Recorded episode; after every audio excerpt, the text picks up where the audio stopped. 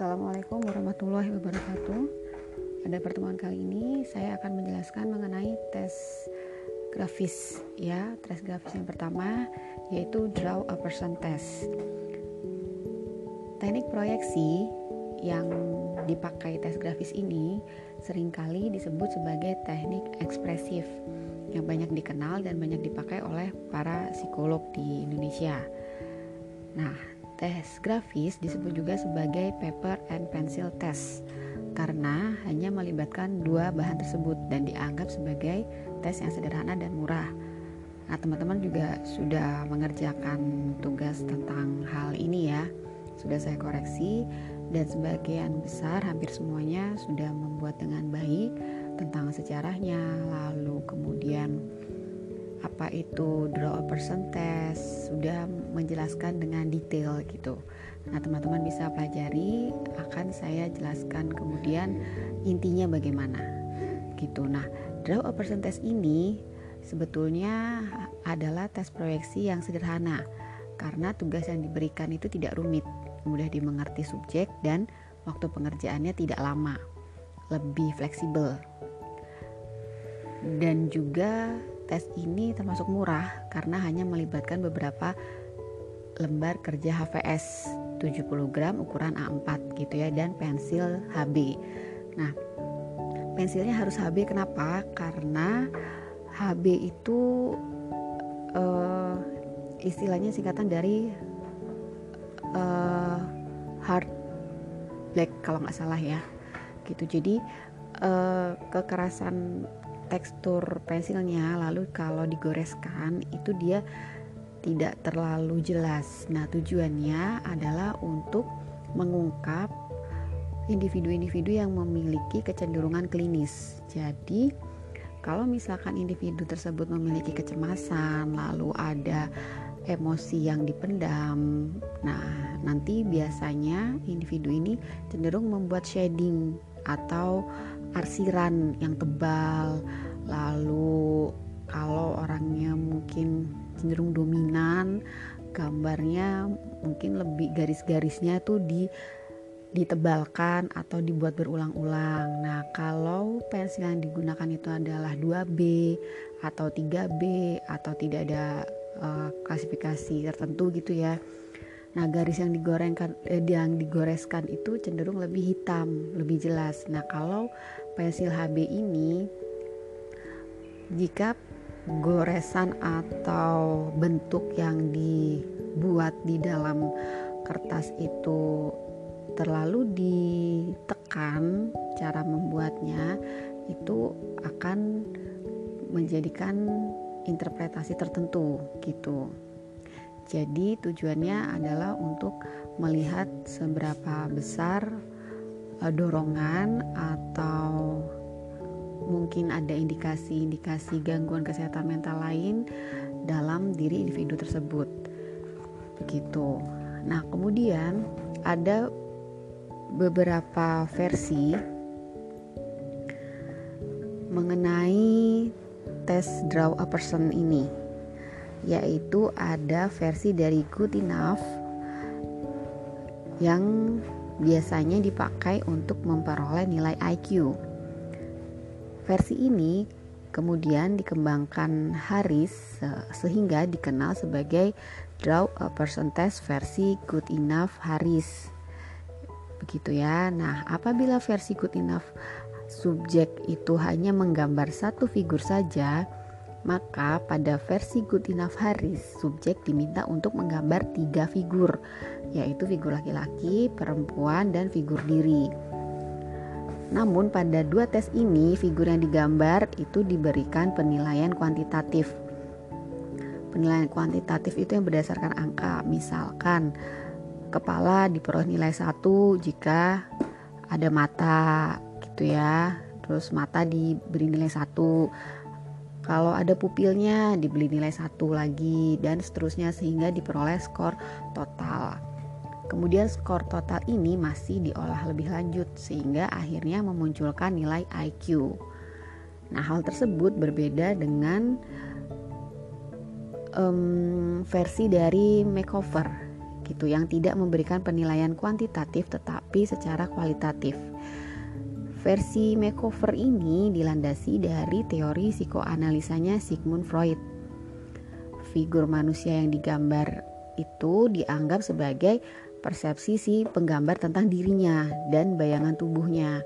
Jadi lebih menggambarkan diri kita, bagaimana kita di dalam lingkungan, perkembangan kita di dalam lingkungan, interaksi kita dengan dunia sosial kita, gitu siapakah kita bagaimana kita meng menggambarkan atau menganggap diri kita itu bisa digambarkan dari draw a person ini bisa digali melalui teori psikoanalisa walaupun gambar-gambar yang dibuat subjek atau klien itu biasanya merupakan bayangan tubuh dan konsep dirinya, tetapi perubahan-perubahan dalam sikap dan suasana hati karena situasi juga bisa dilihat di sini.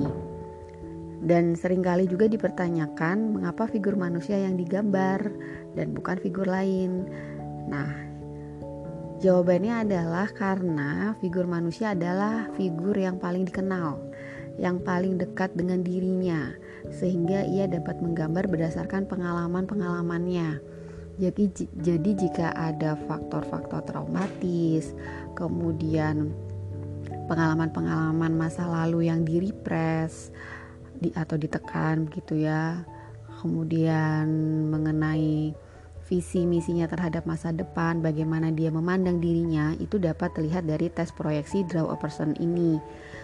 Gitu. Nah, untuk administrasinya saya sudah koreksi dari tugas teman-teman rata-rata sudah melakukan hal yang benar ya uh, sudah menuliskan hal yang benar untuk administrasinya uh, kemudian untuk administrasi ini tidak begitu sulit ya karena persyaratan untuk tes draw a person ini cukup dengan satu lembar kertas HVS ukurannya 70 gram gitu ya. Ukuran kertasnya A4 dan satu pensil HB juga penghapus gitu. Nah untuk penggunaan penghapus ini boleh diberikan e, atau tidak. Maksudnya klien atau subjek boleh menggunakan penghapus boleh juga tidak nah jika menggunakan penghapus nanti tinggal menjadikan catatan tersendiri seberapa seringkah subjek tersebut menghapus gambarnya. Nah, itu bisa jadi catatan sebagai adanya indikasi kecemasan, mungkin adanya ketidakpercayaan diri, adanya indikasi lain gitu. Nah, kemudian jika subjek ternyata menggunakan penggaris, itu sebetulnya tidak disarankan. Namun, jika subjek istilahnya ngotot gitu ya ingin pakai penggaris maka kita persilahkan. Nah nanti tinggal dijadikan catatan saja bahwa subjek menggunakan penggaris karena apa? Nanti ter, apa tercatat atau kita catat di observasinya begitu kemudian perhatikan agar tidak menggunakan alas karton atau buku jadi alas untuk menggambar harus keras dan licin. Jadi harus di meja ya, nggak nggak usah di apa namanya dialasin dengan buku atau karton atau semacamnya.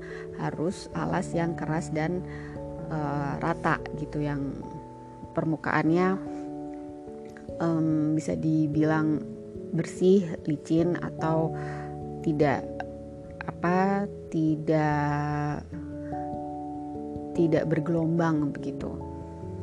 Nah, untuk instruksinya itu sangat mudah. Tester bisa menginstruksikan kepada testi atau kepada subjek seperti um, gambarlah manusia,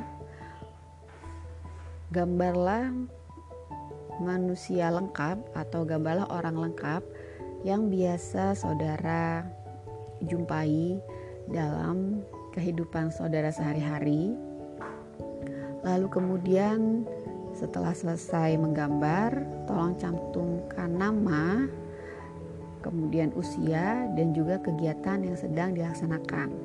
Silahkan dikerjakan. Waktunya fleksibel dan tidak terbatas waktu, namun bisa diusahakan untuk dikerjakan dengan sebaik mungkin. Gitu ya. Nah, selama subjek mengerjakan tes, tester membuat observasi dan mencatat semua pernyataan verbal subjek seperti komentar yang diberikan, lalu cara ia menggambar, figur dengan jela, apa e, figur dengan jenis kelamin apakah yang digambar terlebih dahulu, lalu berapa lama ia menggambar. Kemudian setelah subjek selesai menggambar, tester melakukan asosiasi, yaitu maksudnya adalah meminta subjek untuk membuat cerita tentang figur yang digambarnya. Nah, ini akan lebih mudah kalau tesnya secara individual begitu ya. Namun kalau tesnya secara klasikal biasanya tester hanya berkeliling, kita menanyakan lebih random terhadap subjek-subjek yang memang memperlihatkan uh, perilaku tertentu, misalkan gerak-gerik tertentu atau yang kita curigai memang memiliki indikasi tertentu. Jadi kita tanyakan ini kenapa garisnya begini? Atau maksudnya gambarnya apa? Ini jenis kelaminnya perempuan atau laki-laki? Gitu. Jadi kita observasi sambil bisa kita wawancara sedikit begitu namun kalau dalam prakteknya biasanya dalam seleksi karyawan yang banyak uh, pesertanya itu tester hanya mencatat secara umum gitu ya kemunculan-kemunculan dari perilaku subjek pada saat menggambar draw a person ini gitu. Namun kalau misalkan tes ini secara individu itu bisa lebih dalam menggalinya. Nah, dalam tes kelompok memang sukar untuk membuat asosiasi karena waktu yang tersedia terbatas. Di samping itu hanya satu figur saja yang digambar biasanya. Bisa juga lengkap langsung um, draw person, HTP sama baum ya gitu. Waktu pelaksanaan dalam tes kelompok juga dibatasi, biasanya maksimal itu 10 menit. Gitu karena untuk efisiensi waktu. Nah, kemudian pada waktu kita menghadapi lembar kertas dengan hasil karya subjek yang berupa figur manusia tersebut, maka seolah-olah kita berhadapan langsung dengan si penggambarnya. Begitu, kita akan mendapat kesan pertama tentang gambar tersebut.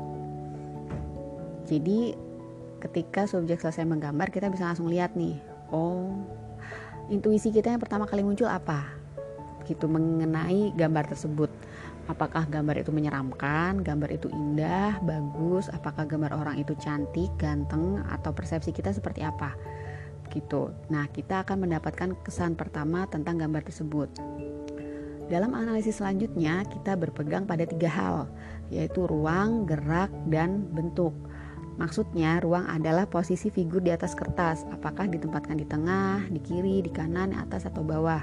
Itu ada interpretasinya sendiri-sendiri. Kemudian mengenai gerak, bagaimana pensil di atas kertas bergerak membentuk figur manusia.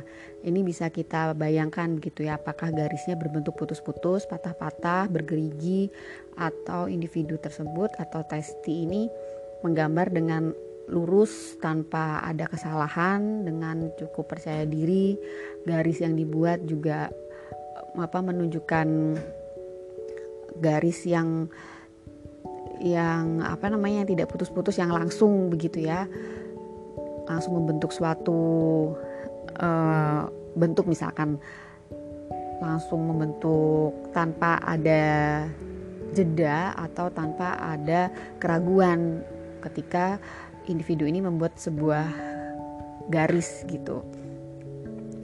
Kemudian eh, mengenai tekanan pensil, cara subjek membuat garis dan bayangannya seperti apa. Lalu bentuknya juga bagaimana proporsi figur. Apa yang digambar, lalu detailnya gimana, begitu ada yang tidak digambar misalkan, ada yang gambar orang draw a person tapi matanya nggak digambar atau mukanya rata gitu ya. Ada banyak ada yang tangannya nggak digambar atau kakinya nggak digambar. Instruksinya kan gambar orang lengkap. Uh, definisi lengkap itu berarti dari kepala sampai kaki uh, anggota tubuh ada semua namun pada beberapa kasus memang ada yang hanya menggambar kepala saja atau menggambar e, badan setengah badan saja. Nah, itu ada interpretasi dan indikasinya masing-masing. Begitu. Nah, Kemudian di samping itu masih perlu dipertimbangkan fungsi anggota tubuh yang mendapat penekanan. Misalkan penekanan dala, e, dapat berupa tambahan shading tadi ya, arsiran, lalu hapus berapa kali menghapus, berulang kalikah, diperbaiki, dipertebal atau garis pada bagian tertentu itu berbeda dengan garis secara keseluruhan. Apakah ada bagian-bagian tertentu yang digambar dengan detail gitu. Nah, itu bisa dijadikan satu interpretasi. Lalu adanya anggota tubuh yang tidak digambar pun itu juga perlu dipertimbangkan. Penekanan di bagian tertentu dari figur manusia itu bisa menunjukkan adanya konflik pada bagian tersebut. Karena itu perlu diketahui fungsi dari berbagai organ tubuh, misalkan kepala itu dianggap sebagai tempat kegiatan intelektual dan fantasi, imajinasi. Nah, hal tersebut diasosiasikan dengan kontrol impuls dan emosi lalu kebutuhan sosialisasi dan komunikasi. Begitu. Maka dikatakan bahwa orang yang menarik diri itu tidak memberi banyak perhatian pada kepala biasanya. Lalu bagian-bagian kepala berfungsi juga sebagai sumber utama dari kepuasan dan ketidakpuasan sensoris gitu ya, di samping sebagai alat komunikasi. Lalu yang selanjutnya ada mata, telinga, mulut, itu merupakan organ yang diperlukan dalam berhubungan dengan lingkungan, sehingga perlakuan yang berlebihan menunjukkan kemungkinan kecemasan yang berhubungan dengan fungsi-fungsi organ tersebut. Selanjutnya ada leher, misalkan leher digambarnya seperti apa nih? Apakah terlalu panjang, terlalu lebar, atau diberi shading? Nah, ini menunjukkan karena hmm, leher bisa menjadikan interpretasi itu penghubung antara kepala dan badan gitu ya merupakan penghubung dalam bahasa psikoanalisisnya itu penghubung antara superego, rasio dan it, impuls dan dorongannya gitu. Nah, pada umumnya bila leher mendapat penekanan maka menunjukkan kemungkinan pemikiran subjek mengenai kebutuhannya untuk mengontrol impuls-impuls yang dirasakan itu mengancam dirinya. Jadi kontrol dirinya sangat tinggi misalkan. Lalu kemudian untuk badan khususnya uh, bentuk-bentuk badan gitu ya diasosia diasosiasikan dengan dorongan dorongan dasar. Nah, subjek atau testi itu biasanya cenderung menggambar figur yang mirip dengan keadaan tubuhnya sendiri. Kalau misalkan anak-anak itu sering kali menggambar tubuh itu secara sederhana. Lebih bentuknya biasanya nih ya persegi empat, lonjong atau bulat gitu. Tidak ada bagian tubuh yang penting men yang menunjukkan kemungkinan gangguan psikologi yang serius ini pada gambar anak-anak ya. Lalu misalkan untuk bagian bahu itu merupakan perlakuan terhadap uh, uh, gini uh, gambar bahu itu perlakuan terhadap sebagai uh, gini sebagai pernyataan dari perasaan kebutuhan akan kekuatan akan kekuatan fisik. Jadi sebagai apa benteng pertahanan juga. Orang normal itu akan menggambar bahu dengan jelas. Gitu ya proporsinya kiri dan kanannya itu sama. Begitu namun pada individu yang memiliki rasa rendah diri karena fisik yang kurus dan kecil biasanya akan menggambar figur dengan bahu yang tidak proporsional jadi yang sebelahnya itu lebih lebar gitu ada juga yang menggambar tidak ada bahu.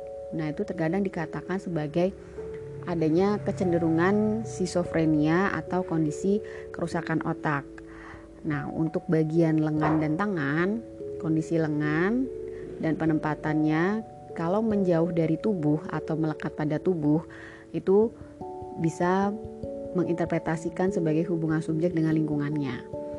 Maka lengan yang ditaruh di punggung, sehingga hanya sebagian saja yang tampak atau yang dimasukkan ke kantong digambar seperti dimasukkan ke kantong gitu ya atau di ditaruh di belakang atau lengan yang dihilangkan gitu menunjukkan keengganan subjek untuk berhubungan dengan orang lain dengan sosialnya. Lebih cenderung menjaga jarak menjaga diri dari apa perkembangan dinamika sosialnya gitu. Jadi cenderung lebih berhati-hati. Nah seperti tadi yang sudah saya jelaskan tangan yang dimasukkan ke dalam saku atau tangan yang tidak tampak gitu ya itu bisa diasosiasikan dengan adanya konflik atau perasaan-perasaan bersalah yang berhubungan dengan kegiatan tangan tersebut gitu. Misalkan pada kasus kleptomania gitu ya tangan itu bisa digambar yang jelas atau bahkan di uh, diumpetin gitu. Jadi bisa kita gali lagi terhadap kecenderungan-kecenderungan dari gambar yang muncul. Biasanya juga detailnya lebih di dipertegas gitu. Atau juga di, di dihapus digambar lagi dihapus digambar lagi gitu. Ada kecemasan-kecemasan yang ditunjukkan di situ begitu lalu untuk tungkai kaki dan kaki. Nah figur ini itu dapat diinterpretasi sebagai adanya perasaan aman atau tidak aman. Begitu karena tungkai kaki merupakan sarana bergerak ya. Dan untuk melakukan kegiatan sebagai benteng pertahanan diri sebagai um, apa namanya sebagai suatu hal yang mencerminkan perasaan seseorang mengenai mobilitas. Jadi seberapa mampukah dia berkegiatan, seberapa mampukah dia memiliki mobilitas yang tinggi atau memang memiliki kecenderungan untuk menunjukkan siapa dirinya yang sebenarnya begitu dengan kegiatan-kegiatan yang memang dihubungkan dengan uh, aktivitas berjalan, berlari misalkan. Jadi untuk atlet-atlet atlet sepak bola misalkan atau atlet lari biasanya um, kecenderungan-kecenderungannya bisa dilihat bagaimana dia menggambarkan uh, apa bagian tubuh tertentu begitu. Misalkan kaki ini gitu. Apakah itu digambar sebagai penegasan atau ada indikasi-indikasi lain? Gitu. Nah uh, mengenai tes draw a person ini cukup sekian yang bisa saya jelaskan. Teman-teman juga sudah membuat tugas mengenai ulasan draw a person ini dengan dengan cukup baik ya gitu jadi nanti kita tinggal praktik saja bagaimana cara administrasinya lalu kemudian cara membuat um, apa gambarnya begitu. Lalu untuk selanjutnya bisa tolong bantu jawab menurut teman-teman untuk draw person test ini lebih cenderung dipengaruhi oleh teorinya siapa gitu ya tadi sudah saya jelaskan bahwa draw a person ini cenderung lebih dipengaruhi oleh teori dari salah satu tokoh yaitu yang menggambarkan mengenai apa begitu. Bisa dijawab di WhatsApp grup. Ya, terima kasih atas atensi dan perhatian teman-teman. Cukup sekian penjelasan dari saya. Jika ada yang kurang berkenan saya mohon maaf. Akhir kata wassalamualaikum warahmatullahi wabarakatuh.